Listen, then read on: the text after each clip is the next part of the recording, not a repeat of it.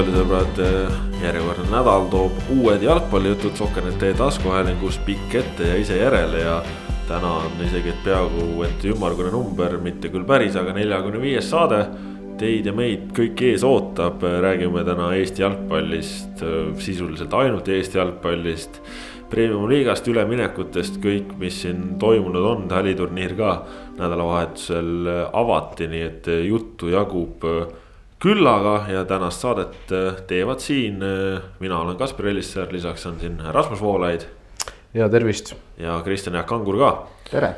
no eelmise nädala peateema oli Erik Sorga, tundub, et äh, on ka veel sel nädalal. igatahes pikalt sai seda üleminekut oodatud, jutte oli erinevaid, eelmises saates ka veel rääkisime, et kui toimuvad murrangulised sündmused, anname neist teada tegime seda juba päev hiljem sisuliselt. ja, ja lõpuks tõesti siis nädala keskel see ametlikuks sai, et FC Flora ründaja eelmise hooaja premiumiga parim väravkütt Erik Sorga siirdus Ameerikasse DC Unitedisse. eks äh, kogu selle teema ümber on nädala jooksul väga palju arutletud erinevates jalgpalliringkondades, sõpruskondades, see teema on olnud kuum aga vaatame meiegi sellele otsa võib-olla nende nurkade alt, mis siin kõige enam äh, seda jutuainet on pakkunud ja, ja.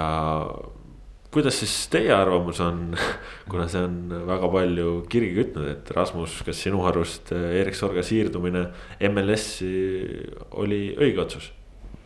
jah, minu arvates oli õige otsus jah, MLS on korraliku tasemega liiga ja need jutud, et sealt ei ole võimalik silma paista küll aga oleks Poola esiliigast ja Poola kõrgliiga nii-öelda kümnendast meeskonnast lihtsam seda teha, siis minu arust, kui sa oled mängumees ja mängid ja lööd väravaid ja nagu Sorga ise tahab lüüa rohkem väravaid kui Ruuni, ehk siis see piir on üksteist hooaja jooksul, et kui tuleb näiteks kaksteist väravat MLS-i, siis ma arvan, et ta jääb silma, aga ma arvan, et äh, ei pea isegi võib-olla nagu nii staariks seal kohe kerkima, et silma pääseda kahekümne aastase või kahekümne ühe aastase esimest välismaa hooaega tegeva jalgpallurina no Kristjan Jaak, sinult siis küsin sedasi, et, et kas see üleminek on mõistlik? no ma ütleks, ma vist olen seda ennegi öelnud, aga, aga ütleks nii, et kui ütleme, et nagu, nagu iga üleminekuga, et kui läheb hästi, siis oli õige üleminek, kui äh, ei lähe hästi, siis järelikult oli vale. mõistlik äh,, eks ta noh, see mõistlikkus ühelt poolt ta sõltub Äh, Erik Sorgast endast. kuidas talle endale see sobib, see klapib, mulle tundub, et äh, me mõtleme selle ühe mehe peale, kes meil seal MLS-is on mänginud ja, ja ikkagi mitte lihtsalt seal nagu USA-s ära käinud, vaid äh, ikkagi reaalselt tegusid ka teinud.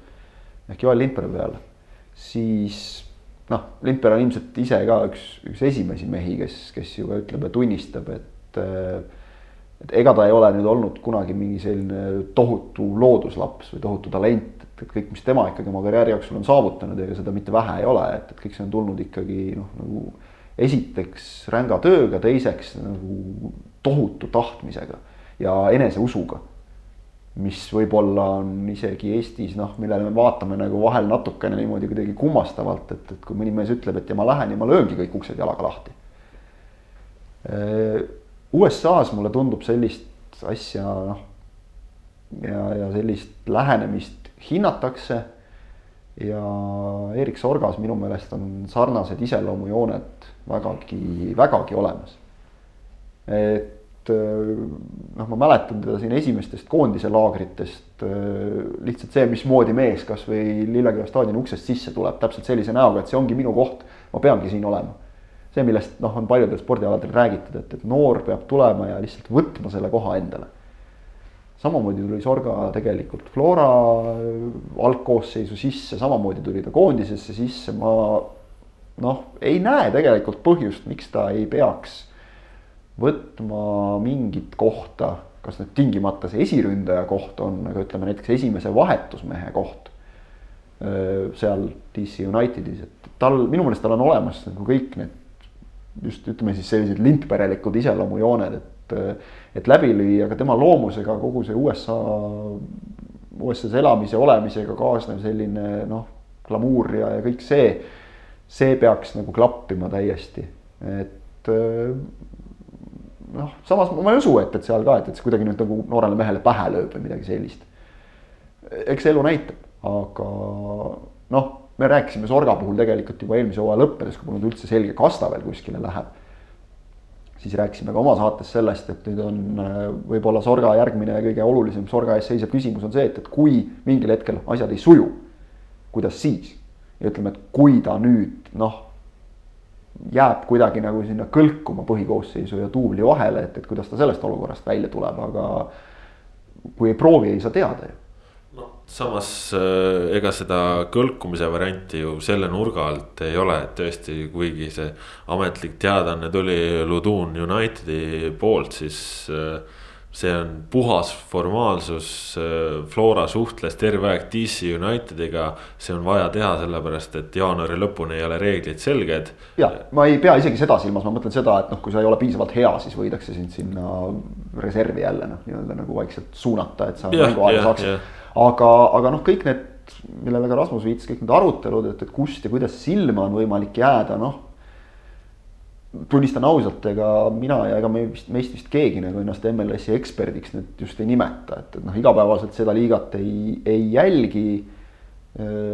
oleme noh, selliste üldiste suundumustega nagu enam-vähem kursis, aga, aga ei enamat vist, eks ole, et noh selle pealt nagu teha mingeid jube põhjapanevaid järeldusi tahaks, samas nagu ma näen, et miskipärast ei takista täiesti ilmselge ja ja enda poolt tunnistatud äh, teadmatus inimesi kuidagi seda MLS-i väga kiiresti maha tegemast. et on mingisugused äh, stereotüüpsed kujutused, kujutluspildid, et, et milline see liiga on, mis noh, pigem on kinni kuskil seal isegi veel nendes Lindpere eelsetes aegades, et, et sinna lähevad ainult need, kes Euroopas enam endale klubi ei leia ja siis lähevad sinna karjääri lõpetama. Noh, päris nii ei ole tagasihoidlikult öeldes, et, et üldiselt ma lihtsalt siin jättes nüüd nagu lahkamata selle, et, et kas äh, MLS on kõvem kui Hollandi esiliiga või kas Portugali kolmas liiga oleks kõvem olnud kui meistriliiga, kui me räägime siin mingitest variantidest, et Praga ja halvemal juhul Praga duubel, mis on läbi käinud, noh, neid me võime võrdlema jäädagi, aga üldiselt ma nagu paneks südamele, et kes, kes alustab nagu sellist põhjapanevat arutelu lausega, et ega ma täpselt ei tea, aga siis võib-olla tasuks selle koha peal punkt ka panna, et noh, me, me, me näeme seda, mis, mis selle MLS-i tase on ja kuidas see suhestub Sorga hetke taseme ja, ja võimetega. me näeme seda siis, kui ta nagu reaalselt mängima hakkab seal. Enne noh, mõttetu nagu arutada ja arvutada. Ja, ja tõesti nagu see, et, et kuskilt Poola esiliigast on võimalik rohkem silma jääda kui MLS-ist, vot sellele ma julgeks nüüd küll vastu vaielda, ta on ikkagi kajastatud liiga ja noh, ütleme skaudid, kõik need jälgivad ikkagi, kui sa vähegi mängumees oled, sa jääd silma igal pool, et, et noh, meil on neid sellist karjääri planeerimise rada pidi läinud ja nii-öelda nagu pealtnäha loogilist rada pidi läinud mehi on päris palju olnud, et las nüüd üks mees proovib nii ka no ütleme seda, et kui sa isegi Eesti meistriliigas mängides suutsid sellise huviliste võrgu tekitada, et siis ei saa nagu väga arvata, et MLS halvem koht on. no ma mõtlesin seda, et kui nüüd päriselt Sorga olekski läinud Poola esiliigasse siis ma arvan, et avalikkus oleks võtnud selle ikkagi kümnetes kordades äh, halvemini vastu kui üleminek MLS-i. ja, ja oleks ikkagi..., jah, oleks öeldud, hea loll, et MLS on, see on kõva liiga, seal oleks silma jäänud kindlasti. ja, ja siis vähemalt Florasse, siis esiliigasse lähed. Et noh, see Rauno Sappinen, kes on nüüd siis kõige tõenäolisem äh, Sorga asendaja Floras, vähemalt uue hooaja alguses äh, oli ju tegelikult nagu selline loogiline liikumine, et, et noh, proovis Hollandi. kõigepealt meenutame ka seda Belgias käiku, mis läks noh, tegelikult nagu mängulises plaanis ka täiesti aia taha. siis proovis Hollandi esiliigas, sai seal tegelikult päris normaalselt hakkama. sai ja, mängida, lõi väravaid, siis tuli äh, täpselt treeneri vahetus. Äh, kui õigesti mäletan ühesõnaga. ja no, no hakkas halvasti minema juba võistkondlikult enne, aga, aga see oligi, ütleme see, et kui ta roll vähenes aasta teisel poolel, siis talvel toodi sinna ründe, kui nüüd mälu ei peta, kas ajaksi taustaga või BSV, no Hollandi tippklubi taustaga äh, ründaja toodi nii-öelda sinna juurde. ja siis hakati asju muutma ja siis asjad oh, ikkagi ei tööta enam, kui me neid asju muudame. seal no, Belgias oli ju ka veel see huvitav, esimene asi, esimene väli, väli, väljaskäik oli, ta oli ju mingi kuues ründaja umbes meeskonnas või midagi no,. noh, ta ise rääkis seal..., et seal oli hästi palju tugeva tasemega ründajaid, et seal oli väga raske silma paista. väga huvitav, et võetakse Eestist niisugune mees endale kuuendaks ründajaks no, no võeti ja me siis nad pealegi seal, eks ole. ja, ja siis nüüd tegelikult see Tom Chalesse minek, noh, tundus nagu ka selline noh, mõistetav käik, miks see tehti. ja jällegi treeneri vahetused, mingid muutused no,. kuskile, samas... kuskile lähed ja siis sa istud seal jälle. nüüd on ikkagi nii, et ärme ühte asja unustame, et äh, DC United on äh, Erik Sorgasse praegu investeerinud noh, Eesti mängijate kontekstis nagu päris arvestatava summa raha et see no,, see on, see on ikkagi tehtud mingisuguse eesmärgiga, see käik. ütleme isegi ameeriklased ei pane poolt miljonit üleminekutasuks nagu niisama, et see noh, et seal võib raha olla, aga, aga sellist liigutust sa ei tee niisama. et kui sa võtad omale investeeringu, sa teed kulutuse, siis sa äh, midagi tahad sellega teha ja no põigates korraks tagasi veel Zappinini juurde. siis ega ju tegelikult ei saa öelda, et ka see Tom Saale periood nüüd nagu mingi maru kehva oleks olnud, kui sa lööd mingi neljasaja minutiga kaks väravat, noh seal oligi see treener, kes tõi selle endas kohe ja, ja pärast seda, kui sats oli no täiesti põhjamudas, siis tulid seal täiesti uued tuuled samamoodi. Mattias Käit ühel päeval on Heeros suur tuleviku potentsiaal teisel hetkel seal klubi jaoks. tema on kõiges süüdi ja nüüd kolmandal hetkel ikkagi et tegelikult sa oled ikka väga hea vend ja paneme edasi, on ju, et noh, seal lihtsalt need mõtted liiguvad ühest Ust, nurgast teisele. sealtpoolt nagu, e, e, just seda, seda tahtsingi Zappinini puhul öelda, et, et sa võid tegelikult mängida täiesti normaalselt, sai peale, siis lõi ka väravaid. aga on mingid asjad, mis sinust ei sõltu ja, ja kui ikkagi ütleme, aga kui sinusse on tehtud mingi investeering, siis kui ükskõik kes, kes meist nagu, kui sa teed mingi investeeringu, siis sa üldiselt nagu ka hoolitsed selle investeeringu eest. puhas loogika. Sapineniga oli veel niimoodi, et äh, vaatan praegu seda statistikat järgi ka, et neli korda sai algkoosseisu, esimene kord ei löönud väravat ja siis ei saanud järgmine kord mängu, siis sai üheksakümmend minutit, lõi värava, langes pingile, ei saanud jälle mängu, siis sai uuesti algkoosseisu, lõi jälle värava, järgmine mäng tuli jälle pingilt, noh, et täiesti ebaloogiline. isegi kui lööd värava, siis ikka ei saa ei kindlusta endale kohta algkoosseisus. just, et eh, noh, seda ongi võib-olla nagu raske midagi mängijale süüks panna ka, et seal on, ütleme. see, mis on Tom Saales toimunud eh, viimase poole aasta jooksul, noh, see on pigem ikkagi väga üllatav, eriti arvestades, milline oli see klubi taust ja kui kaua seal oli seal peatreener varem olnud või noh, meenutame nüüd, kui siin Poolast on nagu kõvasti juttu, et mis me siis Poola esiliigast räägime, eks ole, kui Poola kõrgliiga klubides on. esiteks on, on Poolas nii, et noh, kes on ühel aastal tiitlipretendent, see järgmisel aastal võitleb püsimajäämise eest. küll ja veel viimastel aastatel juhtunud ja tullakse kuskilt põhjast tippu ja minnakse kolinal sinna alla mudasse tagasi, eks ole, kõik noh, okei okay.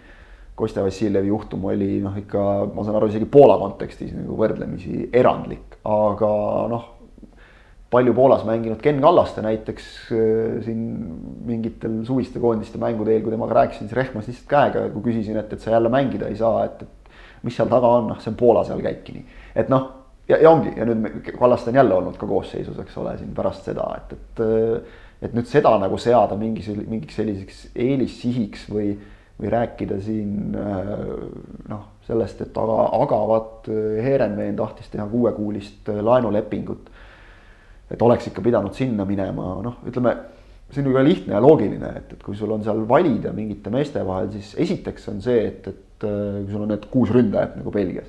esiteks on see, et, et äh, alati üldiselt on eelisseisus kodumaa mees, mitte legionär. kui sa just neist peajagu üle ei ole. teiseks on see, et, et kui sul on mingi vend laenuga, kes noh, küll niikuinii läheb varsti minema, eks ole, et asi teda siis pingile panna on. ja, ja, ja nii see lumepall veereb, et selles suhtes äh, asi, millest on palju juttu olnud, on see, et, et Flora siin, et vaat kuidas Flora umbes nagu ala ei ole suutnud kedagi müüa. ja vahepeal on siin ainult laenanud, siis noh. siin on nüüd ka natukene see, et. laenude eest saab ka raha teenida. laenude eest saab ka raha teenida jah, ütleme niimoodi viisakalt, et eh, tuleb lihtsalt nagu osata laenata no,. aga, aga, aga see on üks, eh, vähemalt minu meelest laenutehinguga kaasnev kaasnev väike risk. Ja me teame, et Eestist tegelikult äh, jalgpallurit välismaale müüa on päris keeruline. Ja ma rõhutan siis just Eesti jalgpallurit. sest ikkagi on mingisugune väike eelarvamus kindlasti püsib, et kui nüüd leiti selline võimalus ja noh, siin käib ka mingi aeg-ajalt nagu internetti loed siis mingi ironiseerimine, et, et vaata, kus nüüd Flora suutis teenida, et ma tuletan meelde, et üldiselt see nagu normaalses jalgpallimaailmas ongi nii, et, et mängijate müügist klubi teenib raha, et see ei ole nagu patt. ehk et kui on piisavalt hea pakkumine ja, ja tuletame meelde, et Sorga ise tahtis sinna minna, et see ei olnud nagu, vägisi saadeti mees äh, roobitsedes suurt raha kokku saadeti kuskile kaugele maale nüüd pakku, no ei ole päris nii. no see olukord ju tegelikult ongi, ütleme, et Sorga nüüd ise siin äh, päris avameelselt äh, käis välja mingeid satse, kes tast huvi tundsid, on ju, aga. aga noh, see ei ole ka tegelikult see lõplik ja reaalne olukord ja, ja kes on kõik huvi tundnud või, või mis ide, iganes ja taganes. aga, aga tegelikult ju noh, ta seal mingitel juhtudel selle Heremini puhul ka rääkis nagu detailidest rohkem. aga tõesti väga palju huvi ju Euroopa seest oli, oli ka pigem seda laadi, et. et ta pakub meile huvi, me vaataksime teda suvel või siis okei okay võtame selle Praga näite, Erik Sorga ise tõi välja. kui sa oled Erik Sorga, sul on valida, kas minna Äh, DC Unitedesse, Ameerika Ühendriikidesse, äh, keskkonda, kus on klubi sees üks ründaja. Äh, sind ootamas on klubi, kes maksab su eest raha ja sa oleksid siis nii-öelda paberil reaalselt teine ründaja, kus sa saaksid rääkida inglise keeles, mida sa ei räägi võib-olla perfektselt, aga sa ikkagi suudad selles keeles toime tulla, sa suudad selles suhelda.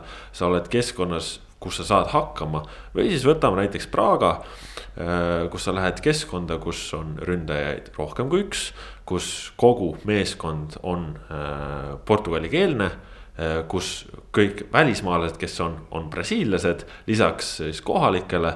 ehk siis see keskkond, kuhu sa kolid on juba väga nagu ka inimlikult raskem, kus toime tulla, kuidas seal kohaneda. kuidas seal äh, saavutada, ütleme, kas mingi suhtlustasand kasvõi oma treeneriga. seda kõike on väga raske teha, samamoodi Hollandis, kus on teine keel, sa oled ikkagi võõras mängija, ütleme selle nurga alt äh, ka just inimlikult ja, ja mitte siin rääkides rahast või muudest asjadest. aga see, milline on see klubi olukord ja kuidas sul sinna sisse on minna ja milliste tingimuste just nimelt, et DC United pakub sulle kolmeaastase lepingu. Nad maksavad sinu eest raha, nad tahavad, et tule siia, mitte et sa lähed kuskile kas laenule, kas kuskile Poola, kus sa ikkagi, kuigi sa räägid vene keelt, sa ei saa kohe hakkama. sa lähed kuskile Tšehhi, kus sa ei suuda kohe rääkida, sa lähed kuskile Rootsi, kus sa ei suuda kohe rääkida. Lähed kuskile Portugali, kus sa ei suuda seda keelt rääkida, et ütleme, et ka kohanemise seisukohast. Ja noh, pannes siia juurde veel tõesti selle Ameerika jalgpalli stiili, mis on ikkagi väga ründajatele orienteeritud siis ja, no, väga loogiline valik. ära unusta ühte asja, kui sa lähed, ütleme kuskile kuueks kuuks laenule, sa pead hakkama kohe tegema praegu on ikkagi mingi puhver, sa saad teha, kusjuures sa saad teha rahulikult meeskonnaga ettevalmistuse kaasa. just, et ongi, et see meeskond äh, alustab hooaega siin noh, pooleteist kuu pärast on ju, et, et sul on terve hooaja ettevalmistusperiood, et väga paljud diilid olidki noh praegu nagu ei taha, et võib-olla suvel, aga suveni ootad, siis noh, ongi nagu Sorga ise ütles, et ta ei taha seda riski võtta. just, et, et sul ei tule enam selliseid numbreid, saad mingisuguse väikse trauma, mida iganes, eks ole, ja siis on see huvi kadunud ja noh, kõik need suvel see öö, suvine turg on tohutult palju. no ja klubide arvamused võivad ka muutuda väga kiirelt, et see noh, see konkurents, mis on, see on ikkagi meeletu. ja noh, siin selle nurga alt on meil ka üks kuulaja küsimus, Matis äh, palus siis arutada natukene seda rahalise poole teemat, et sorga palk, et noh, justkui sihuke umbkaudu kümnekordne tõus, eks ta ametlikult ja tegelikult reaalsuses saab ilmselt olema isegi suurem, on ju, et.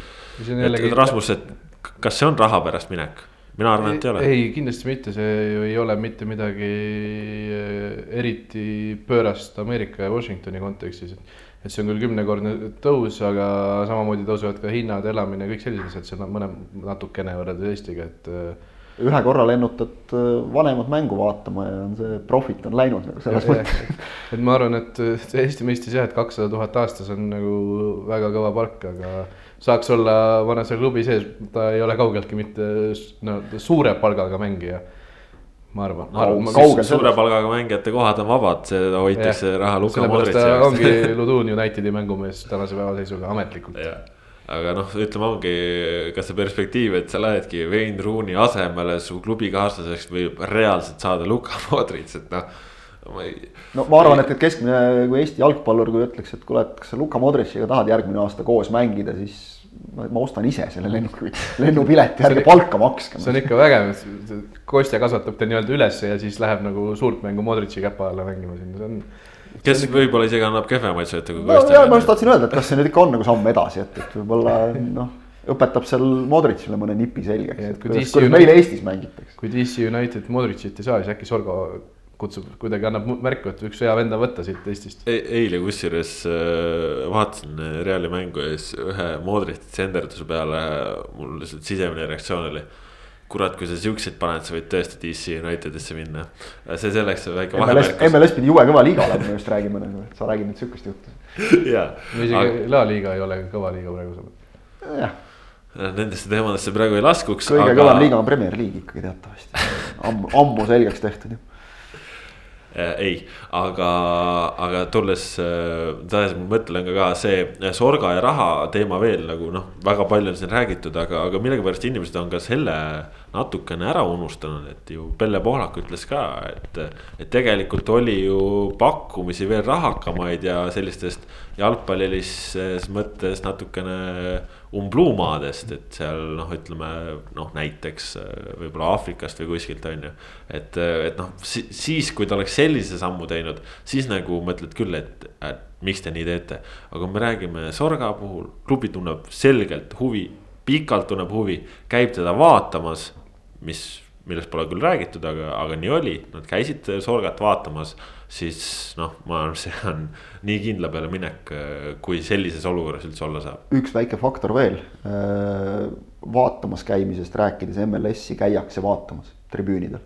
ehk et kui sa saad ikkagi noh, valida sellise liiga, kus sind nagu iga nädal vaatab kümneid tuhandeid inimesi ja, ja USA-s tegelikult on mindud, noh, me võime siin natukene ironiseerida teinekord selle üle, et, et kui nii-öelda loomulik see on või kui selline äh, kunstlik, aga, aga USA-s on nüüd selle sokkeriga ikkagi noh, selles mõttes praegu hästi, et, et neil on seal ka suured fännipundid ja, ja fännitribüünid, et, et noh, möll, mis käib, on, on kõva tegelikult. ja, ja jällegi rääkides just ka nagu Sorga sellest, nendest noh, inimlikest omadustest, et minu meelest oli seda näha, kui ta siin sai äh, Lillekülas noh, suhteliselt täismaja ees nagu mängida koondise mänge, et, et kuidas ta ka nautis seda just, et, et see, see läheb tema loomusega ka niivõrd kokku, et, et see võib-olla mõni teine mees sealt ei saa nii tohutu suurt lisaenergiat, ma usun, et temasugune võib saada küll. ja jumal tänatud, et meie oleme ka sokkernet, sellepärast et see tegi ka Washington Postil oluliselt lihtsamaks meie refereerimise selles samas loos, kus, kus nemad siis Sorga tulekust. ei no nii nagu Sorga, eks ole, läheb nii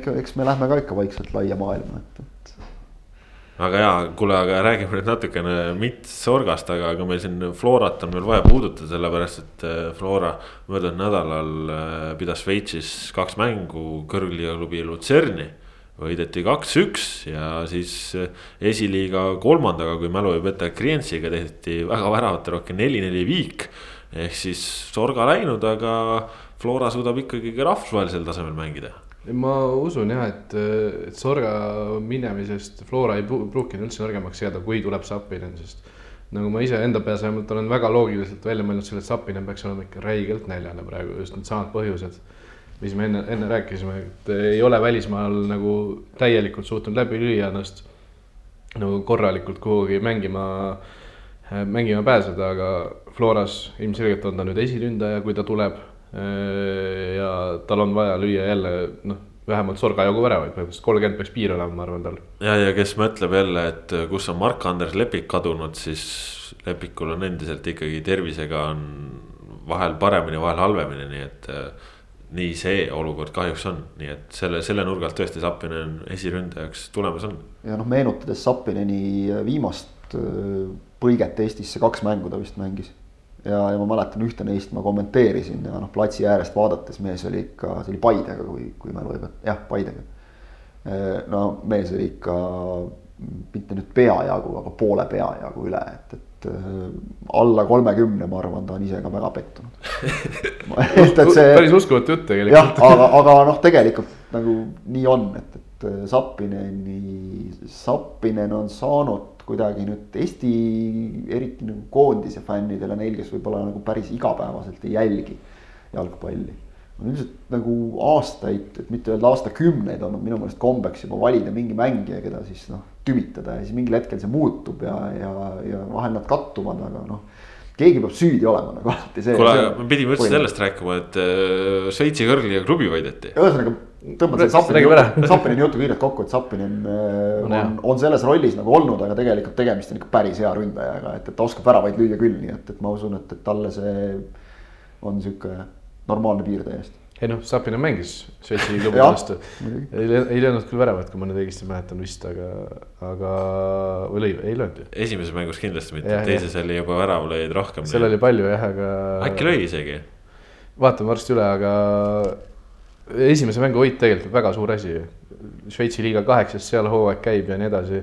uue treeneri käe all esimene mäng, seal peaksid ka näljased mehed olema, olid vist enam-vähem algkoosseisuga. sisuliselt jah Flora oli, oli ka tugeva satsiga vastu ja Flora pani ära enda aasta esimeses mängus, noh. see on, tegelikult on ikkagi taseme, taseme näitaja, olgem ausad, ei saa maha teha, isegi kui eestlasena tahaks.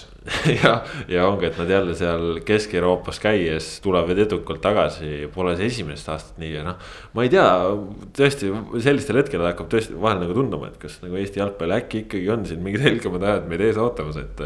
see suvi, mis siin eurosarjades kohati toimus ja nii ja naa, et, et äkki on midagi paremaks. Sapinil oli esimese värava selles mängus neli-neli mängus. no vast, mõtlen, kuidagi oli nagu meeles, et ta oleks seal skoorinud, nii et Sapinil oli juba värav kirjas noh ja jah, see oli, see oli kahtlemata väga kõva, aga nende mängudega seoses ka meil see kuulaja Matis küsis, et äh, mis on Mihkel Ainsalu prognoosid, et Ainsalu ka äh, laagris seal ilusti, ilusti käis veel, aga, aga nagu teame, siis Markus Soomets, äh, mees Itaaliast on ka, kuigi noh, ametlikult siis Tartust, aga, aga mees Itaaliast on ka võib-olla isegi päris lähedal, et Floraga liituda, igatahes Flora teda tahab ja, ja loodab, et temaga äh, lepinguni jõutakse ja, ja see tähendab, et tõesti keegi peab natukene Flora keskväljal ruumi juurde tegema ja, ja Pelle Pohlak, Flora president on öelnud, et üks selline mees võib olla Mihkel Ainsalu.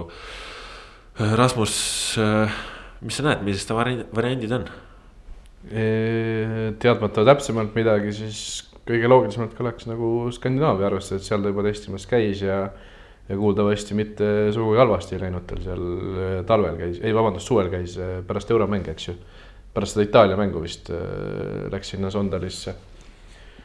ma usun, et temasugune noh, selline füüsiline ja tugev poolkaitsja natuurile peaks ju sobima tegelikult Skandinaavia mäng, mis eelduste kohaselt ongi just sellistele erinevalt MLS-is sellistele suurematele viikingitele nagu mõeldud. ja noh, tegelikult tal ütleme, et ka arengu mõttes välismaale minek kuluks ära, et ta on siin Eestis saanud ja, ja tal on siin need vigastused kimbutanud ja nii ja naa, aga noh nagu Karel Voolaid ka näitas, viskas siin A-koondises vette. Noh, enam-vähem ujus välja, vahepeal paremini, vahepeal halvemini, aga tõesti, et veel astuda samm edasi, siis tema jaoks tundub küll praegu väga õige hetk Eestist edasiminekuks. hea, et sa mainisid just neid äh, A-koondise mänge, et mulle subjektiivselt kohati tundus nendes Ainsalu A-koondise mängudes, et ta nagu ei, ei usaldanud ennast lõpuni tegi mingeid hästi turvalisi lahendusi, ütleme noh, kohati keskväljal näiteks palliga, kui ruumi ees oli, ei tõusnud nii palju, kui me oleme teda harjunud Eesti liigas nägema, võib-olla mulle noh, tõesti oli see sihuke subjektiivne mulje, aga et, et noh, sellise eneseusu tõstmisel võiks ju, võiks ju välisklubis mängimisest ja loodetavasti seal hakkama saamisest abi olla, noh jällegi, et võib muidugi ei tea, kuidas läheb, eks ole, et, et see võib ka jälle usku maha võtta, kui sa ütleme seal kohe läbi ei löö, aga aga jällegi noh, kui sa ei proovi, siis sa ei saa ju teada, et, et täiesti noh, küps on ta praegusel hetkel küll välisklubi proovimiseks, et ma kardan, et, et noh, kui, kui, kui praegu ei lähe, siis võib-olla nii-öelda küpseb üle ja siis jääbki siia tiksuma, et, et väga, väga õige hetk oleks minna ja, ja talle tõesti, kui, kui nüüd ütleme, võib-olla see vahepeal läksid peaaegu kõik eestlased, kes kuhugi läksid, läksid ikka Põhjamaadesse, et noh, nüüd on nagu meil see geograafiline perspektiiv natukene kuidagi avaramaks läinud. diasporaa on suurenenud. ilus, e, et, et võib-olla nüüd võiks nagu proovida jälle sinna, sinnapoole, et, et talle, talle tõesti võiks Norra näiteks sobida väga hästi ja ma usun, et ta saaks seal hakkama küll. ja nüüd äh, siin, et see Flora jutt ühel hetkel kokku tõmmata, siis äh, kuulaja Matis küsis ka Heroli saatuse kohta. ja noh, Heroli saatus tundub äh, praegu nii palju, kui Florast signaale on tulnud, et Heroli saatus on olla ääreründaja. jah, sest et Flora on siin kuuldavasti mõnelegi meeskonnale, kes on Herolit endale tahtnud, kas siis laenuks või päriseks Eestis öelnud, et ei ehk äh, noh, arvestades, et seal klubis nagu üldiselt noh, mängijat nagu niisama nurka ei visata, et, et siis järelikult nad ikkagi näevad talle mingit kohta. ja noh, kuivõrd kümne peal nagu ei, ei, ei paista seda isegi kui, kui, kui Vassiljev mängib vähem, siis ma arvan, et pigem siis mängitatakse juba Henri väljalt kuskil seal ja, ja võib-olla veel kedagi, et, et nii nagu ta eelmist hooaega alustas äärel ja alustas tegelikult hästi, et äh, miks, miks mitte ka nüüd? no tegelikult ju möödunud hooaeg oligi Herole jaoks selline noh, esimene tõsine läbimurdehooaeg Floras, et ta on varem saanud mujal ennast näidata, aga nüüd tal Floras kogunes mänge muidugi pärast seda suvist hüppeliigas vigastust, mille ta Maardus üles korjas. See mängimise roll jäi natukene väiksemaks, aga samas noh, peast öeldes, kus Flora paremuselt kolmas väravõtt või? No ta lõi igatahes Premiumi liigas kaksteist väravat ja me teame, et liiga paremuselt teine väravakütt lõi kolmteist väravat. Nii et, pole hullu noh. nii et selles mõttes tõesti enam-vähem äh, väga hästi tuli ja, ja ta näitas oma, oma oskusi ja, ja tegelikult isegi seal paremal rajal mängides, noh, kuigi võib-olla ta ei ole Eroli nii-öelda lemmikkoht, aga, aga tegelikult ta seal suutis ka väga hästi mängida ja Flora mängu sellist mõnusat äh, dünaamilisust tuua. kaheteistkümnest väravast kümnenda lõi ta juba viieteistkümnendal juunil. ehk siis. Äh, ta ju alustas võimsalt. jah, poole hooaja peal oli kümme, kümme löödud ja siis ta oli ikkagi parema väravaküti konkurentsis täitsa tegelikult. ja siis sai vigastada ja siis tuli paus. sellised omavahel seotud küsimused, et kas Sappinen jääb, kui Sappinen jääb, kus mängib Frank Liivak ka see Liivak jääb, eks ole, sest et ta on ka üks mängija, keda kindlasti Floral annaks kuskile veel noh, nüüd viimaste veel koondise mängude pealt ka, kui sa ikkagi näitad, et ma olen A-koondises sees ja, ja siin alustanudki mõnda mängu, siis see, see kindlasti teeb CV kohe paremaks. Emre Canile punase kaardi tegemine ja. juba teeb päris heaks CV. kahtlemata tõesti ei ole Mihkel Ainsalu ainus, kes Florast nii-öelda välja võib minna, lisaks siis Erik Sorgale ka, et. Vladislav Kreidale ma kardan, oleks natuke vara ei ole praegu vaja ka. ma arvan, et ei ole veel vaja, et, et tal ta,, talle võib-olla tuleks nagu natuke liiga palju, et, et ütleme siis aastase perioodi sees nagu koondisesse ja siis seal.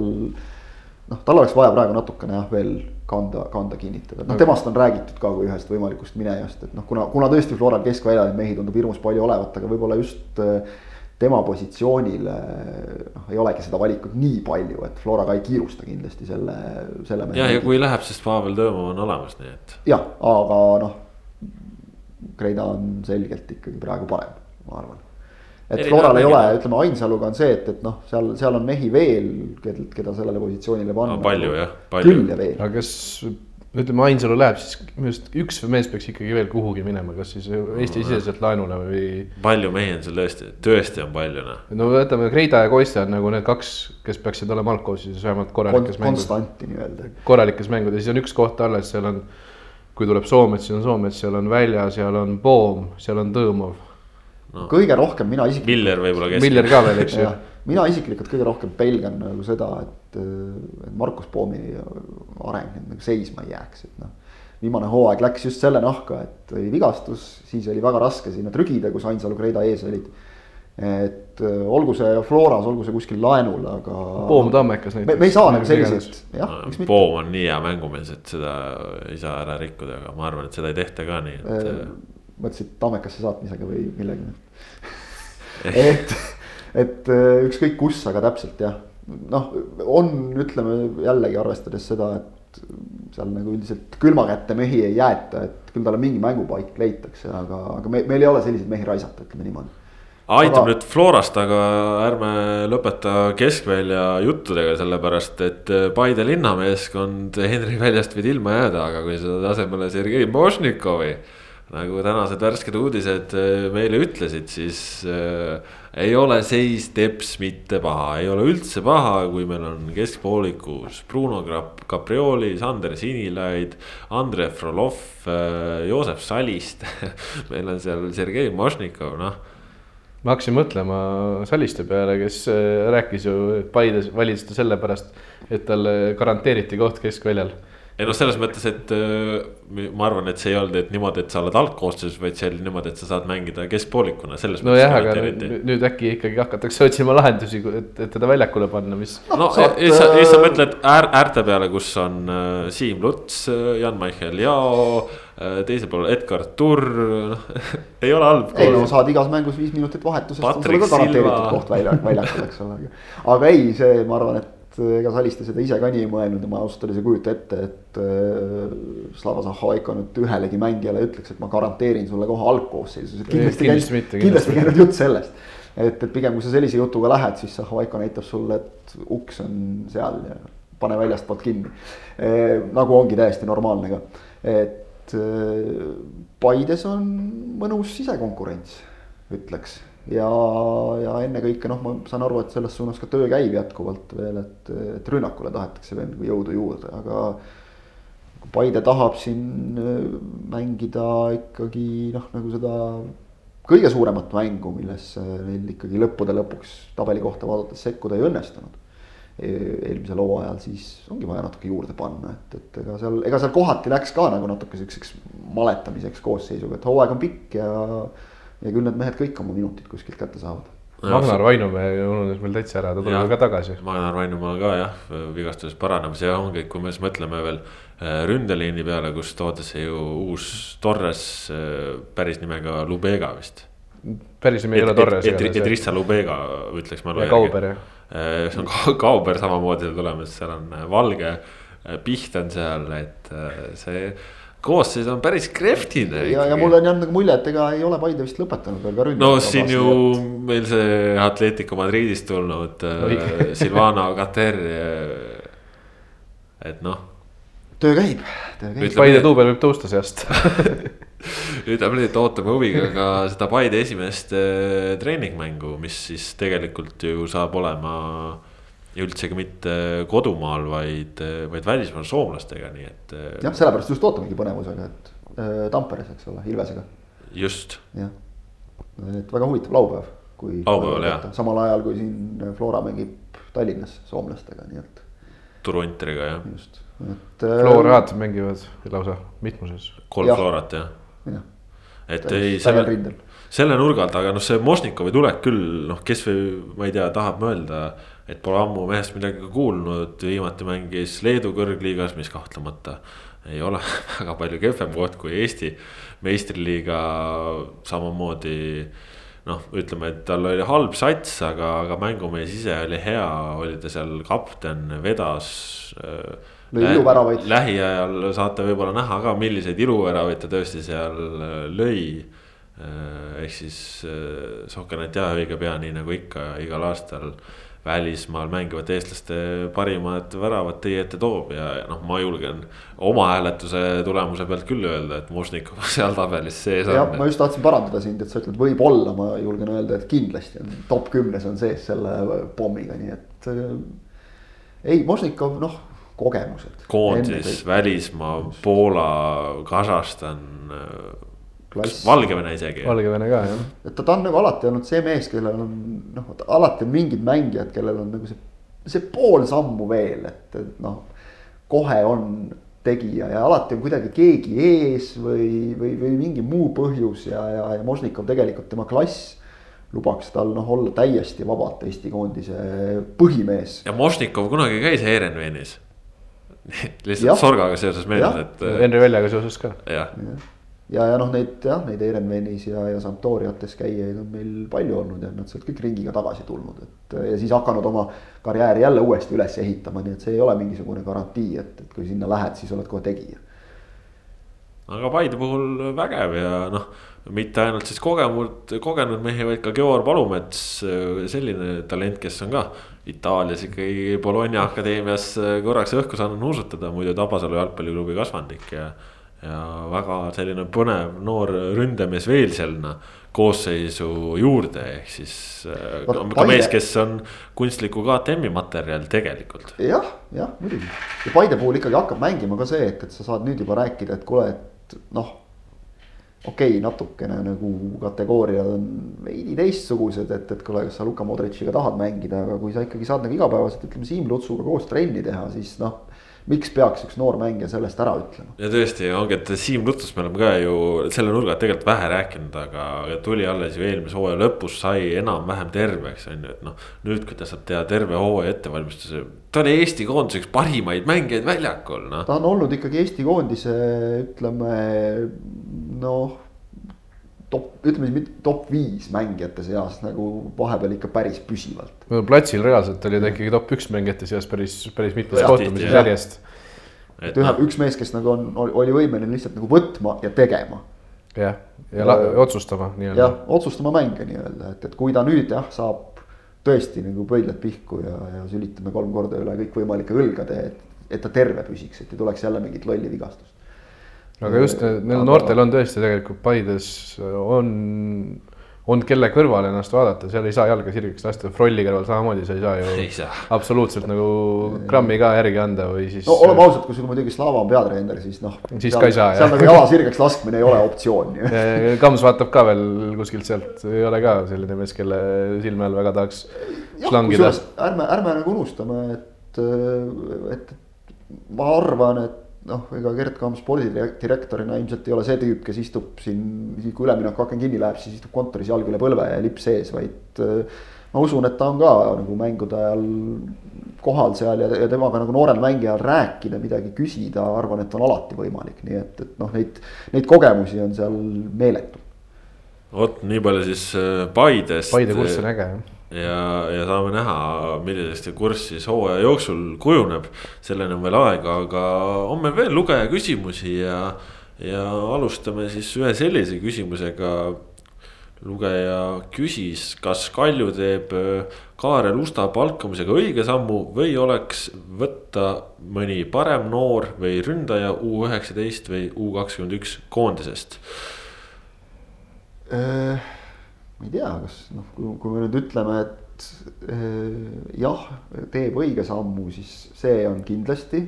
ma arvan, siin vastuväiteid ma ei näe, et oleks. jah, teeb õige sammu. kui nüüd öelda, et äh, vastata sellele küsimusele, et, et kas oleks paremaid võtta, siis noh, ei, tahaks nagu ühtepidi öelda, et, et ei ole paremaid võtta, sest see oleks kuidagi ülekohtune teiste mängijate suhtes, aga samas kui palju neid mängijaid vaba on. ma mõtlen ka sama just selle nurga alt, et, et kas on paremaid nii ja naa, kas neid võtta on, ma ei usu Ei. väga, et, et, et kui, kui nagu lasta peast läbi U kakskümmend üks ja U üheksateist koondise edurivi, siis ma ei usu, et seal nagu väga nii-öelda mängijaid kuskil ripakil võtta on. ei noh, kindlasti ütleme näiteks mingi ropu raha eest oleks Veelma Tammekast kätte saanud, kui oleks löönud, löönud ka seal nelisada viiskümmend tuhat dollarit lauale, eks ole, noh, aga. seal ega Kaspar Paurigagi need mälestused äh, kõige paremad. Tammeka vist ei taha Kaljule praegu ma arvan, et Tammeka jah, isegi kui miljoni kohvriga tullakse, siis õnneks, et jällegi uks on seal. aga, aga, aga ei noh, nagu noortekoondise, noortekoondise nagu puhastest ründajatest rääkides, ega ju Kaljule kuulub endiselt ka Alex Mattias Tamm. Et temagi, ütleme, seda ründajad on ja ega noh, Usta eks nagu, nagu klubi on korduvalt öelnud, et ta on pigem nagu Robert Kirsi asemel ja teda siis ei nähta jälle tipuründajana, et pigem kas siis ta ründaja vist ei ole ka ikkagi selline number üheksa konkreetselt. no oleme ausad, seal Noor on mees võib mängida kõikjal, seal on. Kaljul ikkagi Peeter Klein nagu täiesti olemas ka, et, et noh, sinna ei olegi teda vaja suruda võib-olla, et jah, see Kirsi positsioon oleks nagu kõige loogilisem. Humutav, Humutav on ka seal tipus veel olemas. jah, just, et, et Tammega on, on muidugi see, et ma saan aru, et ta vist vähemalt praeguste plaanide järgi ei ole tagasi tulemas. veel jah, jah, kui mitte suvel, eks ole siis, aga noh, tal, tal tuleb kõigepealt tervist korda saada. tervis jah korda saada ja, ja taastuda, et, et siis no. näis, mis siis, aga et noh, need, mida sammud või, või teod, mida ta siin näitas enne Šveitsi minekut, need olid ju vägagi positiivsed, et. et seal nagu materjali on täiesti. Ei absoluutselt, ühesõnaga lugejale vastuseks, et äh, Usta palkamisega no kindlasti õige samm, et Jah. äh, noori Eesti mängijaid oma satsi võtta, see on alati õige. No Kalju puhul tasub rääkida sellest, et KTM-iks saab teda teha. just, ja see on tähtis ja noh, ikkagi olles nagu näinud Ustat noortekoondiste eest niivõrd-kuivõrd palju mängimas, siis ta on ikkagi silma jäänud alati. et, et ta on, kui me siin räägime just nagu mängijatest, Lutsust rääkisime, et, et mees, kes on nagu võimeline võtma ja tegema, siis mulle tundub, et Ustas seda ainest on, on nagu küll korralikult ja, ja Kaljus ta peaks saama noh, nagu usaldust ja, ja aega ja kõike, et, et ma arvan, et talle hea samm, Kaljule hea samm ja läheme siit äh, edasi siis teise Kalju-teemalise kuulaja küsimusega, hea kuulaja Žuravski on meilt pärinud, tsiteerin. mis teie arvate, kas Kalju peaks oma kaitseliini tugevdama või suudavad nad ka olemasolevaga kõrgliigasse püsima jääda? vot selline hea küsimus. tervisi Žuravskile siinkohal. ma arvan, et öö, äh, on võimalik püsima jääda praeguse koosseisuga aga ma arvan, et Kalju otsib lahe, otsib täiendust ka. ma, ma miskipärast arvan, et nad sihivad natuke kõrgemale kui püsima jäämine on selline mulje jäänud nagu. ma arvan, et sinna ühte, ühte meest äkki otsitakse juurde sellist hübriidi, nagu neile meeldib. kes oskab mängida mitmeid positsioone, näiteks suudab mõlemat äärekaitset mängida või midagi, midagi sellist. alumist, alumist poolikut näiteks mm. -hmm. No, Sest, üks selline mees, kellest räägite, on Andres Raudsepp, isegi Eesti mängija ta sai siis nüüd Transi vastu mängida e-, esimese poole ja vasakkaitses ja teise poole ja sai vist keskväljal natuke aega olla äkki. Raudsepp tuli ikkagi vahetust teiseks pooleks. aa, ei ta siis ta sai enda poole jooksul mängida mõlemat positsiooni, igatahes ta sai mängida nii vasakkaitses kui ka, kui ka keskpoolkaitses jah. no ütleme, et oleks nagu arvestades Reginaldi, ma ei tea, võib vist nüüd ikkagi öelda ametlikku lahkumist või, et. no fakt on see, et tal ei ole Kaljuga lepingut. jah noh, ja. ja ta ei ole Kalju juures praegu. jah, no see nagu viitab sellele, et vaevalt ta tagasi tuleb. et äh, noh, nagu soovitaks Raudsepaga jõuda tingimustes kokkuleppele, et ta on, kui me siin räägime, et mida on võtta nii-öelda turult, siis, siis see on nagu päris hea mees, keda on võtta, et, et võib-olla noh, võib-olla nagu isegi mingil määral see Tallinna Kalevis veedetud hooaeg ühtepidi näitas seda, et Raudsepp on võimeline olema liider, kapten ka mänguline liider väljakul ja, ja teistpidi noh, tahtmata liiga teha Kalevi noortele poistele, siis võib-olla ta isegi vääriks enda kõrval nagu veel kõvemaid äh, mehi, et äh, noh, ma, ma, ma miskipärast usun, et, et ta. oli ju Magnus Pärson ajal Eesti koondises ka. jah, täpselt, et, et ma arvan, et, et Raudsepaga teadmata nüüd täpselt, eks ole, eks need asjad ongi sellised, et kõigest nagu avalikult ei räägita ka alati, aga et ilmselt tema hetke mõtlemine võiks ka olla selline, et kui tekib mingi võimalus kuskile välja saada, siis see oleks nagu prioriteet number üks. sest noh, vanus on ka selline, et, et nüüd võiks nagu proovida. ja kui ei saa, siis noh, ilmselgelt ka tema jaoks Kalju oleks praegu Eestis hetkel absoluutselt parim variant, sest noh, siin on ju selge, et, et Levadias seda ilmselt tagasiteed. Flora keskeljal on ka juba nagu olemas. ei ole, Floras nagu mõned mehed on seal keskel. Paides just rääkisime ka natukene nagu leidub mängijaid, et noh, ja Kalju oleks väga okei okay.. see oleks nagu väga loogiline valik Kaljule ja loogiline valik Raudsepale, et, et noh, eks see ongi nüüd see tingimustes kokkuleppele jõudmise küsimus, aga. ma ei tea, mul miskipärast on selline sisetunne, et mingil hetkel tuleb ametlik teade, et, et kui ta juba treenib nendega, et, et ta ka jääb nendega. no Marko Kristelile ju Levadia aeg-ajalt väga tuttav mees, nii et no,. et, et see noh, jah, kui, kui väljast mingit pakkumist ei tule talle, siis see oleks Kaljule väga väga oluline täiendus, sest noh, Kalju koosseis on natukene hõre.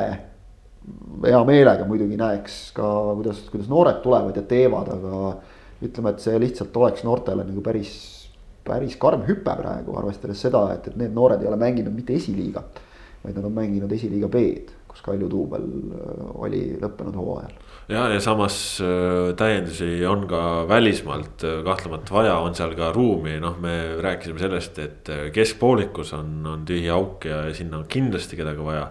aga, aga on ka ettepoole võib-olla veel kedagi, kes lööks väravaid, samas ka veel kaitsesse ikkagi. ütleme, et sisuliselt igasse liini peale on nüüd väravaid, kus on olemas Marko Meerits, aga kus tõsi küll, ei ole vist hetkel noh, ütleme, et Getulio Aurelio Fredo on siis väravahtide treener on ju, et.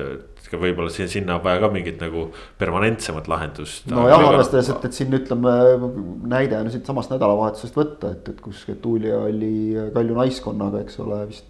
Äh, saalikarikal. saalikarikal, eks ole, et, et noh, kohe hakkab nagu hakkavad probleemid tekkima. no teiseks pooleks, kui Henri Berg sisse tuli, siis soojaks tegi teda Marko Merits. no just täpselt. võib-olla kaupleb väikse palgalisa välja endale. et no. treenib iseennast ja kõik on hästi. et võib-olla selle nurga alt oleks, oleks ka väravavahtide liinile midagi täiendavat vaja, aga noh, muus mõttes äh, Rasmus oli seal ka välismaa mehi, et ütleme, see esimene Brasiilia pande saadeti minema äh, ka mingid ukrainlased, kes on vahepeal käinud ja juba läinud, aga, aga oli veel ikkagi ukrainlane ja oli ka Itaaliast, Sampdoriast üks mees. jaa, oli see itaallase nimi oli Scriscuolo, oli selle mehe nimi Roberto eesnimeks. no Kuno Tehva te- ütles ausalt, et mees ei ole füüsiliselt väga heas vormis veel, see paistis silma, aga samavõrd paistis silma ka see, et tegelikult et nagu see baas oli olemas, kuhu ehitama hakata, et päris selliseid ägedaid lahendusi ta otsis, palliga oli hea, selline pikk sööt oli tal, no iga paari minuti tagant tuli üks et, et nagu selles su- suhtes tundus, et, et sealt võib tulla. ma arvan, et äh, nii tema kui ka see teine ukrainlane, Vladislav Veremejev, keda siis prooviti esimene poolek, tema, teda, teda prooviti siis kahel positsioonil kahel poolel, esimene poolega oli keskkaitses Avilovi kõrval ja teine poolega oli alumine poolik. ja nüüd Tehva tahti, ütles veel, et teda tahetakse veel ka vasakkaitses näha, et selline noh, tema on ka selline hübriid nagu Kaljule, Kaljule meeldib ja hea on. ja no Trans muidugi ei, ei pannud teda väga proovile, aga, aga, aga jättis ka täiesti jalgpalluri mulje jah, saame siis äh, näha seal muidugi kõikide nende muudatuste otsingul, eks siin ju Marko Kristel on ka vahepeal öelnud, et võib-olla annab mingid kohad paigatas edasi, et tuleb lihtsalt oma mees senine tõsta uue koha peale, ehk siis nägime. Andrei Markovitš äärekaitse mängis keskpoolkaitses ja Igor Subbotin, kunagine äärepoolkaitsja, möödunud hooajal keskpoolkaitse oli nüüd siis tipuründes, kus ta mängis Levadias ka sihuke suurusjärk viis aastat tagasi, et selliseid Ja mäletame- tiimisiseid lükkeid ikka juba oli, noh. mäletame, kuidas Subbotin lõi väravaid, kui ta rünnakule nihutati, nii et ja selle kohta on hea lugu ka. Lugu on meil praegu Sokkernetis veel täitsa, täitsa kõrgel kohal vist. jah, et, et kuidas on läinud Eesti, Eesti ründajatel just nimelt, kes on, on välja läinud siit. kolleeg Ivar Lepik on hea loo teinud, selle leiate kindlasti üles. et Subbotin jah, noh, tema on see mees, keda seal eda-, vaja, vaja seal liigutatakse positsioonile kuuest kümneni või isegi üheksani. ja noh, see on Kalju, Kalju traditsioon olnud jah, ikkagi. no võtame Deniss Tjapkini näiteks, keda on, eks ole, liigutatud või äh, Artjom Dmitrijev mängis ju ka seal täpselt seal, kus vaja oli, seal mängis ja, ja enam-vähem igal pool sai hakkama ka, nii et, et see jah, võimaldab natukene ütleme, arvestades seda, et, et tõesti võib-olla pinke ei ole viimastel hooaegadel ja, ja noh, tundub, et ka mitte sel hooajal nagu meeletult pikk olnud, siis siis on see jälle üks võti, et, et sul on hästi palju universaalseid mängumehi, keda eri positsioonide vahel liigutada ja, ja niimoodi väga hästi hakkama saada. no igatahes äh, Trans alustuseks alistati kindlalt kolm-null Sanderburilt äh, kaks kaunist väravat, Peeter Kleinilt ka veel üks, üks otsa juurde. ja, ja võib-olla siit ongi siis paslik minna üle Narva Transi juurde, et äh, Rasmus Narvas ka ikkagi uusi nimesid on, mida sina nädalavahetusel äh, nii-öelda Narva Transi rindelt äh, selgeks enda jaoks said? no ma sain selle selgeks, et äh, see viimane mees, kes toodi juurde, Artjom Ratšenko, see, see mees siis, kellel olid need päris lubavad noor, noor, noor karjäär oli kuni, kuni ikka pahandus purjus peaga autoroolis pahandust tegi natukene, tema on mängumees, tema jättis päris hea mulje nii-öelda see finishing nii-öelda inglise keeles, eesti keeles väravate lahendamine, löömine ei tulnud veel väga hästi välja, aga olukordadesse sattus ja, ja, ja oli aktiivne.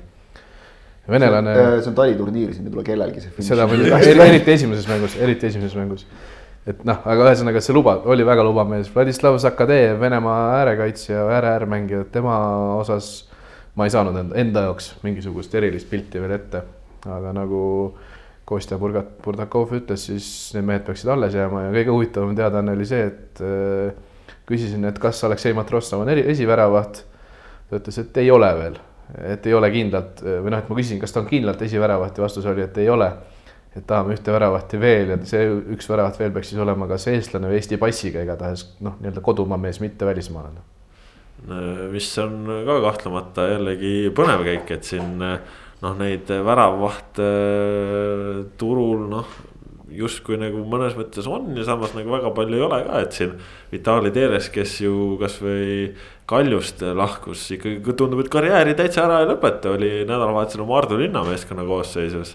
ja noh, Maardu koosseisus oli veel ju Transist rääkides ka Vadim Mihhailov, mis on selgelt üllatuslik, kui premium-liiga põhimees otsustab, otsustab siirduda esiliigasse aga.... see, sellest on natuke kahju jah. Jah, me ju siin ise ka arutasime, pakkusime Mihhailovile nagu palju kõrgemat lendu siin Levadiast alates, eks ole, aga noh, hea küll aga muidugi, kui ma mõtlen, noh, siin võib ka lihtsalt see loogika olla, et, et kui me leiame endale, sest Matrossov tegelikult ju esiväravavahi rolli kannaks välja küll.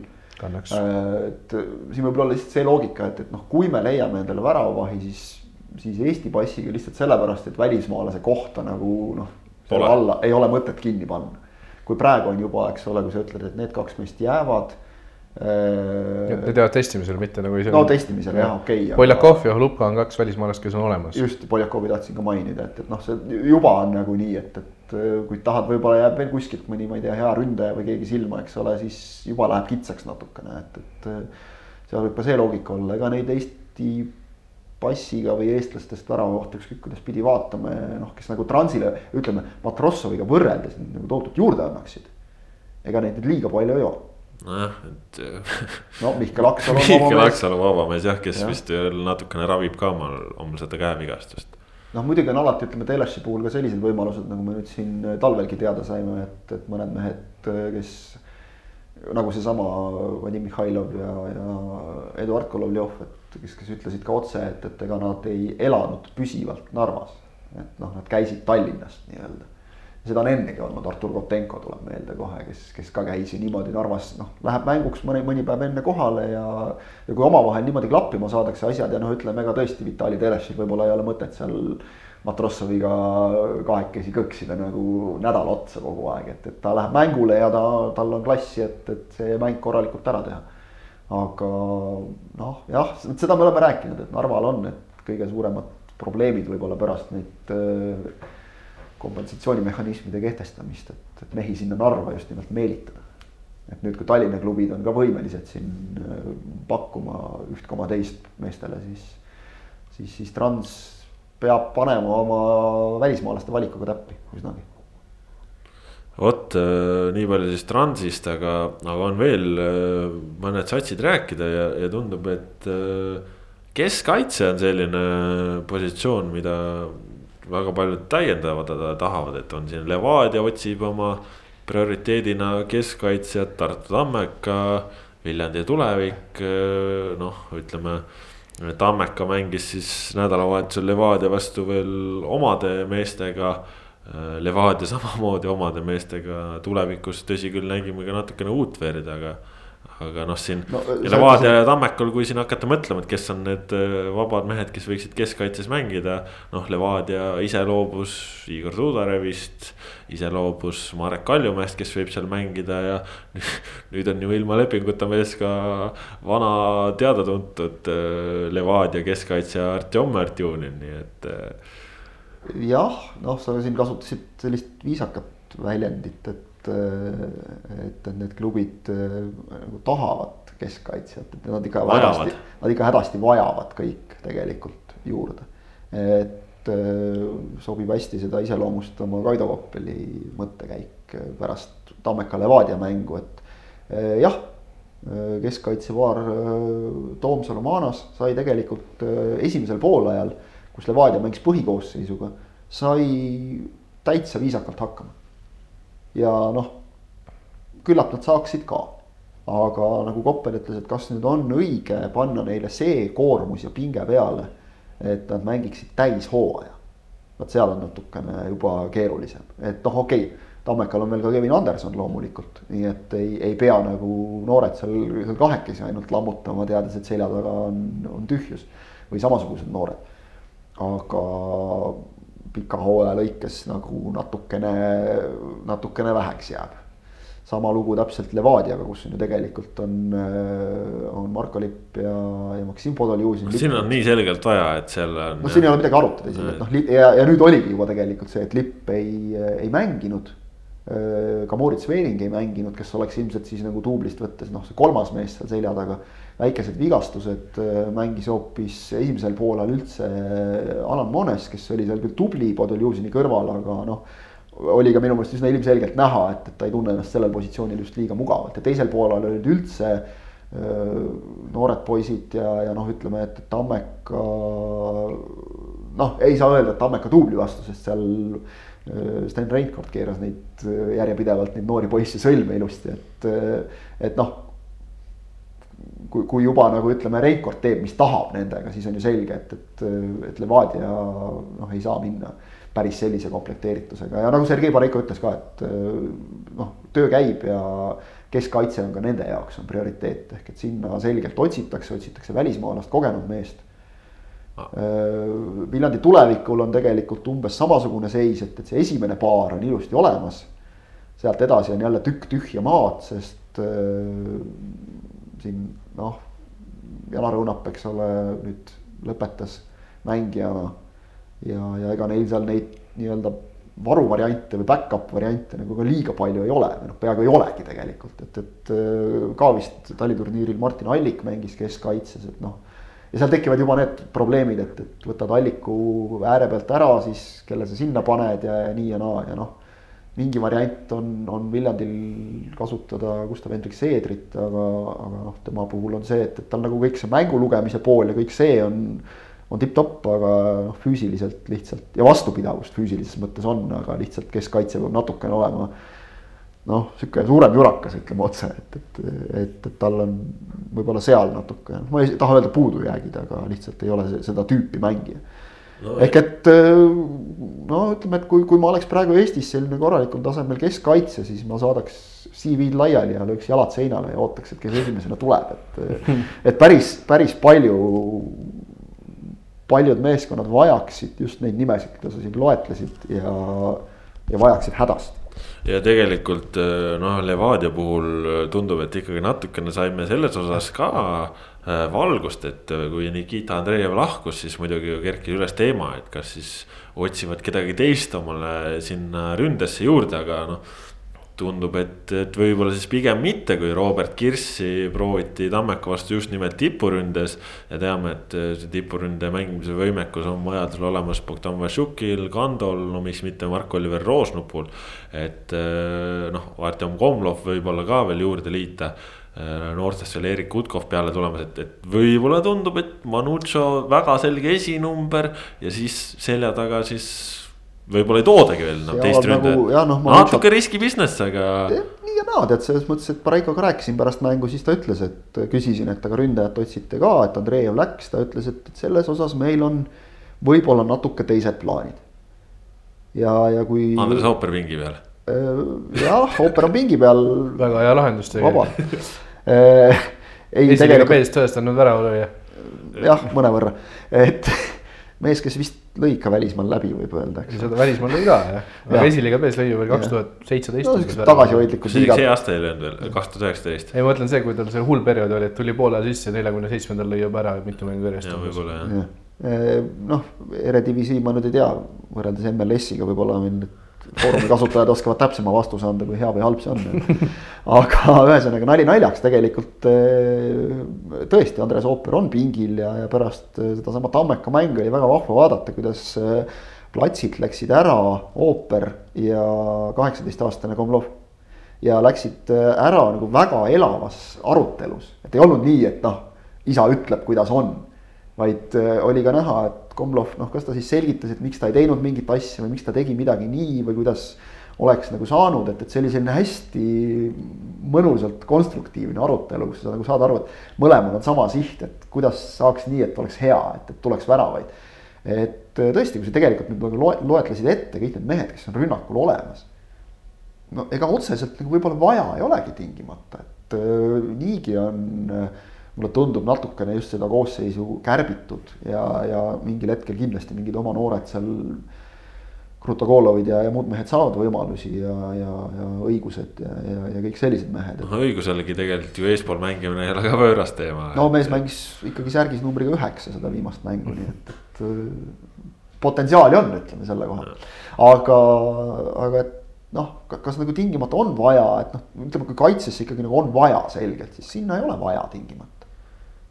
Ütleme siis selle ka ära, et, et kes, kes nüüd järel ka ei lugenud, et Kirill Nesterov küll oli koosseisus, mängis seal teise poolaja kas pool tundi umbes, siis tegi Nikita Tronovile ruumi, et äh, on minemas ikkagi kuskile testima ja ei, ei jätka, et, et siin lihtsalt kuna tegemist äh, nagu, nagu Pariko hästi ütles, et kuna tegemist on hea inimesega, siis me andsime talle võimaluse lihtsalt ennast siin natukene vormis hoida, et, et noh, see, see on selline hea sümpaatne näide sellest, kuidas klubi ja mängija lahkuminek ei pea käima nagu mingitel teravatel tingimustel, et lihtsalt aeg on selline, liigume edasi ja ja, ja, ja kui siin tegelikult ründajatest rääkida, siis äh, see pole veel väga palju nii-öelda äh, suure kella külje pealt äh, läbi käinud, aga, aga Viljandi tulevikul ka Kaimar Saag ikkagi väikese vigastuse on üles korjanud ja loodame, et siis mitte väga tõsist, aga, aga. aga ka tulevik peab noh, natukene mõtlema, et, et kuidas, kuidas seal, et Rainer Veips oli igatahes vinks-vonks olemas ja seal tegusid no, tegemas. Äh, kas Peipsi jääb ka või temaga puhul oli ka? Peipsi puhul on ka nagu olnud õhus need, et jääb, ei jää, et, et samamoodi tegelikult. no tundub, et äh, pigem ikka jääb tänase seisuga. nii, nii et paarkümmend minutit, mis ma seda mängu nägin veel Kalju seda asju lõpetades kirjutamist ja intervjuud, mis ma seal tegin, no Peips oli mängumees ikkagi, ta tuli päris heas vormis no,. Peips on löönud päris palju väravaid ka äh, tuleviku kohta Premium liigas. jah, noh, Peipsiga on see, et, et vaata, kas Peips nüüd on päris nagu see tipuründaja materjal aga ta tipu, on... tipus sai ennast ju laksama, siis kui nad Indrek Ilvesega seal maadlesid natukene ja siis ta pani vist mingi seitse väravat. ütleme lihtsalt. ja, ja, ja ta ikka lõi korralikult. jah, ma mõtlen ennekõike seda, et Peipsi trump on lihtsalt see, et noh, ta võtab ääre peal kiirusega ette ja siis sealt teeb nagu, et, et. aga noh, see ongi jälle see, et, et kui, kui ta nüüd peab mõne aja seal mängima kuigi tegelikult noh, Saag vist ka on, on ikkagi hooaja alguseks peaks olema enam-vähem valmis, et, et äh, ei, ei miskit nii hullu, aga no,, aga ütleme jah, et tulevikul on äh, siin veel ka väga tõsine testiperiood ees, et, et siin kolm, eks. kolm, kolm oli praegu, Soome, Aserbaidžaan, Ukraina. väga laia haardega mm -hmm. ja. jalgpalliriigid kõik. just eriti Aserbaidžaan ja nojah, mis me siin ironiseerime, kui vaadata, palju eestlasi on Aserbaidžaani mängima läinud, eks ole. ei ja..., ma päriselt. mina ironiseerisin, ma kõigepealt ironiseerisin, ironiseerisin ja siis ironiseerisin iseenda üle, selline osav võte. aga noh, eh, tulevikult tuleb veel minu teada neid, neid mehi, et eks neil on ka see, et, et lihtsalt proovid, katsetad ja nagu me oleme ka korduvalt rääkinud, et eelmise hooaja täpselt kolmest üks läheb täppi, siis on juba hästi et, et eks neil ole ilmselt see kaitseliin on kõige rohkem vajab nagu sellist no, täiendamist, lappimist, et noh, rünnakul tegelikult äh, ikkagi Pavel Marin on suht omaette klassist nagu selle, selle, selle meeskonna kohta ja, ja noh, Sander Kapper. Sander Kapper on minu meelest varemgi olnud nii, et ega ta hooajaeelsetes mängudes alati ei sära, aga kui ta need koormused seal ära kannatab ja, ja siis nagu põhja alla saab. ja, ja selle õige oma mängutunde kätte saab, et siis hoia kinni. no üks meeskond, kellel ei ole igatahes äh, värava küttidega probleeme, tundub olema Tallinna Kalev, kui sul alustavad äh, mängus Eduard Kolovjov ja Hannes Anier, siis palju õnne, see on kõik väga hästi. siis on hästi et ei ole nagu väga see on juba oluliselt parem seis kasvõi võrreldes eelmise hooajaga, kus, eks ole, oli nii, et, et kui Valemusse Allil oli Anier kõrvalt puudu, siis oli Allil ka kohe nagu üks trump käest võetud, et noh, ei ole kellele mängida, kellega kokku mängida. Nüüd, kui on Golovjov ka olemas, siis ütleme, võib seal igasuguseid huvitavaid asju juba. jah, ja kellel tegelikult veel vabu ründajaid vaja on siis või üldse ründajat vaja, siis vabad mehed ju näiteks ka Henri Anier, Albert Prosa, et mõned mehed on veel turul saada ka, et siin noh, näiteks. Ju... ei ole, ei ole kõige halvemad valikud turul. absoluutselt mitmed mehed, kes on Eestis ikkagi kõik väravad ära löönud põhimõtteliselt, mis vaja lüüa on olnud noh, Anier ei lihtsalt ei jõudnud Eestis kõiki lüüa. ta, sai liiga vara liiga heaks Eesti, Eesti kohta. see häda on tal küll küljes jah, tõesti. aga ei no Kalev on tegelikult ikkagi ju korralikult sügavuses ka juurde pannud. Jumadil, Tamberg, noh, no mehed, kes on eelmine aasta Premiumi liigas väga kõvasid minuteid mänginud, tulevad no,. ma paneks ikkagi Sõren Kaldma ka täiesti. ei, Kaldma ka jah, ma mõtlesingi, et üks, üks oli nagu veel, kelle unustasin ära korraks. kes on ikkagi ilmselt suht-koht põhikeskkaitse, et, et noh või, või ka, või ka keskpoolkaitse. või ka keskpoolkaitse, kus täpselt sellepärast, et Kaspar Laur kindlasti ka oma minutid ju ja. Nendest ei taha ilma. Kalma võib võtta näiteks selle raudsepa positsiooni näiteks üle. miks mitte jah. ja, ja ikkagi ärme ka unustame selliseid mehi nagu Teeväli, Reimaa. kes olemas juba on, ma mõtlengi. kes on, kes on juba olemas ja et, et seal noh, sügavust on selles satsis ja nagu tegelikult eelmine hooaeg näitas ka, et, et võetakse seal jälle mingi kuueteistaastane vend pingi pealt ja Kalevis huvitaval kombel need mehed nagu noh, kas nad tulid ja tegid, aga ütleme, et tulid ja ei väristanud jalga ega midagi. noh, Sanja ja Sanja Dmitrijev ja Liivo Leedmaa oskavad juba õiged sõnad peale lugeda, nii et kõik asjad oleksid hästi ja noh, eks siis saame veel ka näha milliseks kujuneb see Leegion, kes siis nüüd nädalavahetusel siin mängis Kuressaarega oma noortega ja sai kindla null-neli kaotuse ja siis. sellel nädalal nüüd siis, mis nüüd ees ootab, peaksid tulema ka oma nii-öelda esindussatsiga välja, et saame siis näha. missugune see on, sest on nemadki seal omale täiendusi juurde otsinud, mõned ka saanud, nii et põnevusega tasub tasub seda oodata, Kuressaare praegu esialgu veel tagasihoidlikult, et siin eh, ei ole suuri nimesid satsi toonud, mõned nooremad mängijad. Eh, noh, kui sul Otto Robert Lipp lööb kübara, siis sul ei ole suuri nimesid vajagi.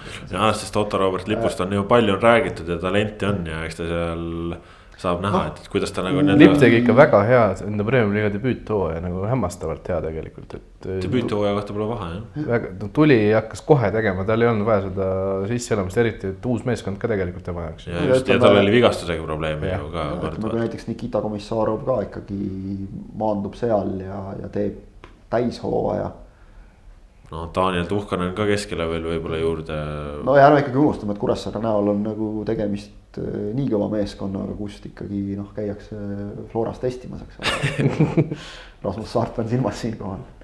ja noh, ja noh, tegelikult veel, kui me siin üldse vaatame selle kogu liiga peale, siis ju tegelikult on veel ju ka endiselt väga häid lepinguta, lepinguga sidumata vabu mängijaid, noh siin.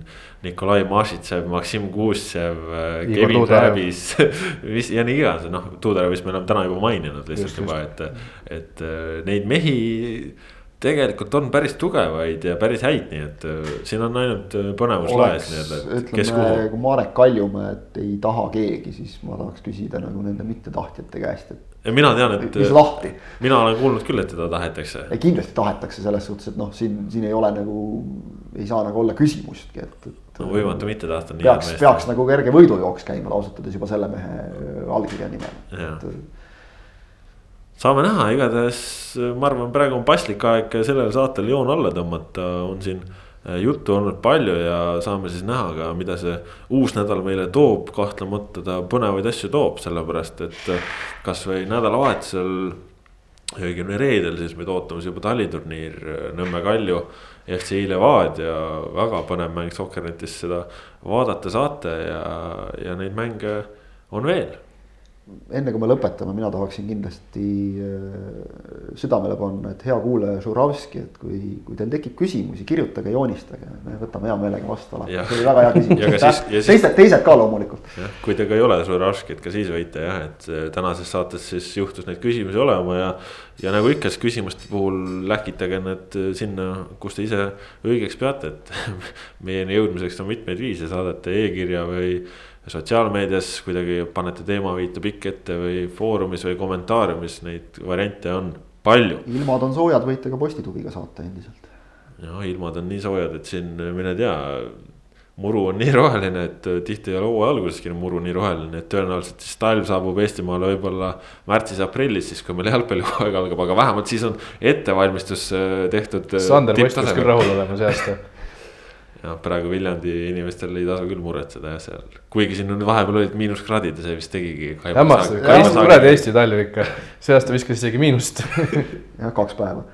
Ja ei noh, jah sa, saag vist seal natuke, see saag vist seal natuke libastuski, et, et, et siin ei maksa nagu halba nalja teha, et ka kahest päevast võib saada väga kõva, kõva paugu hooaja, hooaja lõikes, aga, aga, aga jah, läks vist seekord õnneks vot nii palju siis äh, täna, aitäh, et kuulasite, selline oli pikk ette ja ise järele neljakümne viies saade, minu nimi Kaspar Elisser, minuga siin täna Rasmus Voolaid, Kristjan Jaak Kangur, kuulake meid jälle uuel nädalal. siis on uued jutud ja ega midagi muud kui adjöö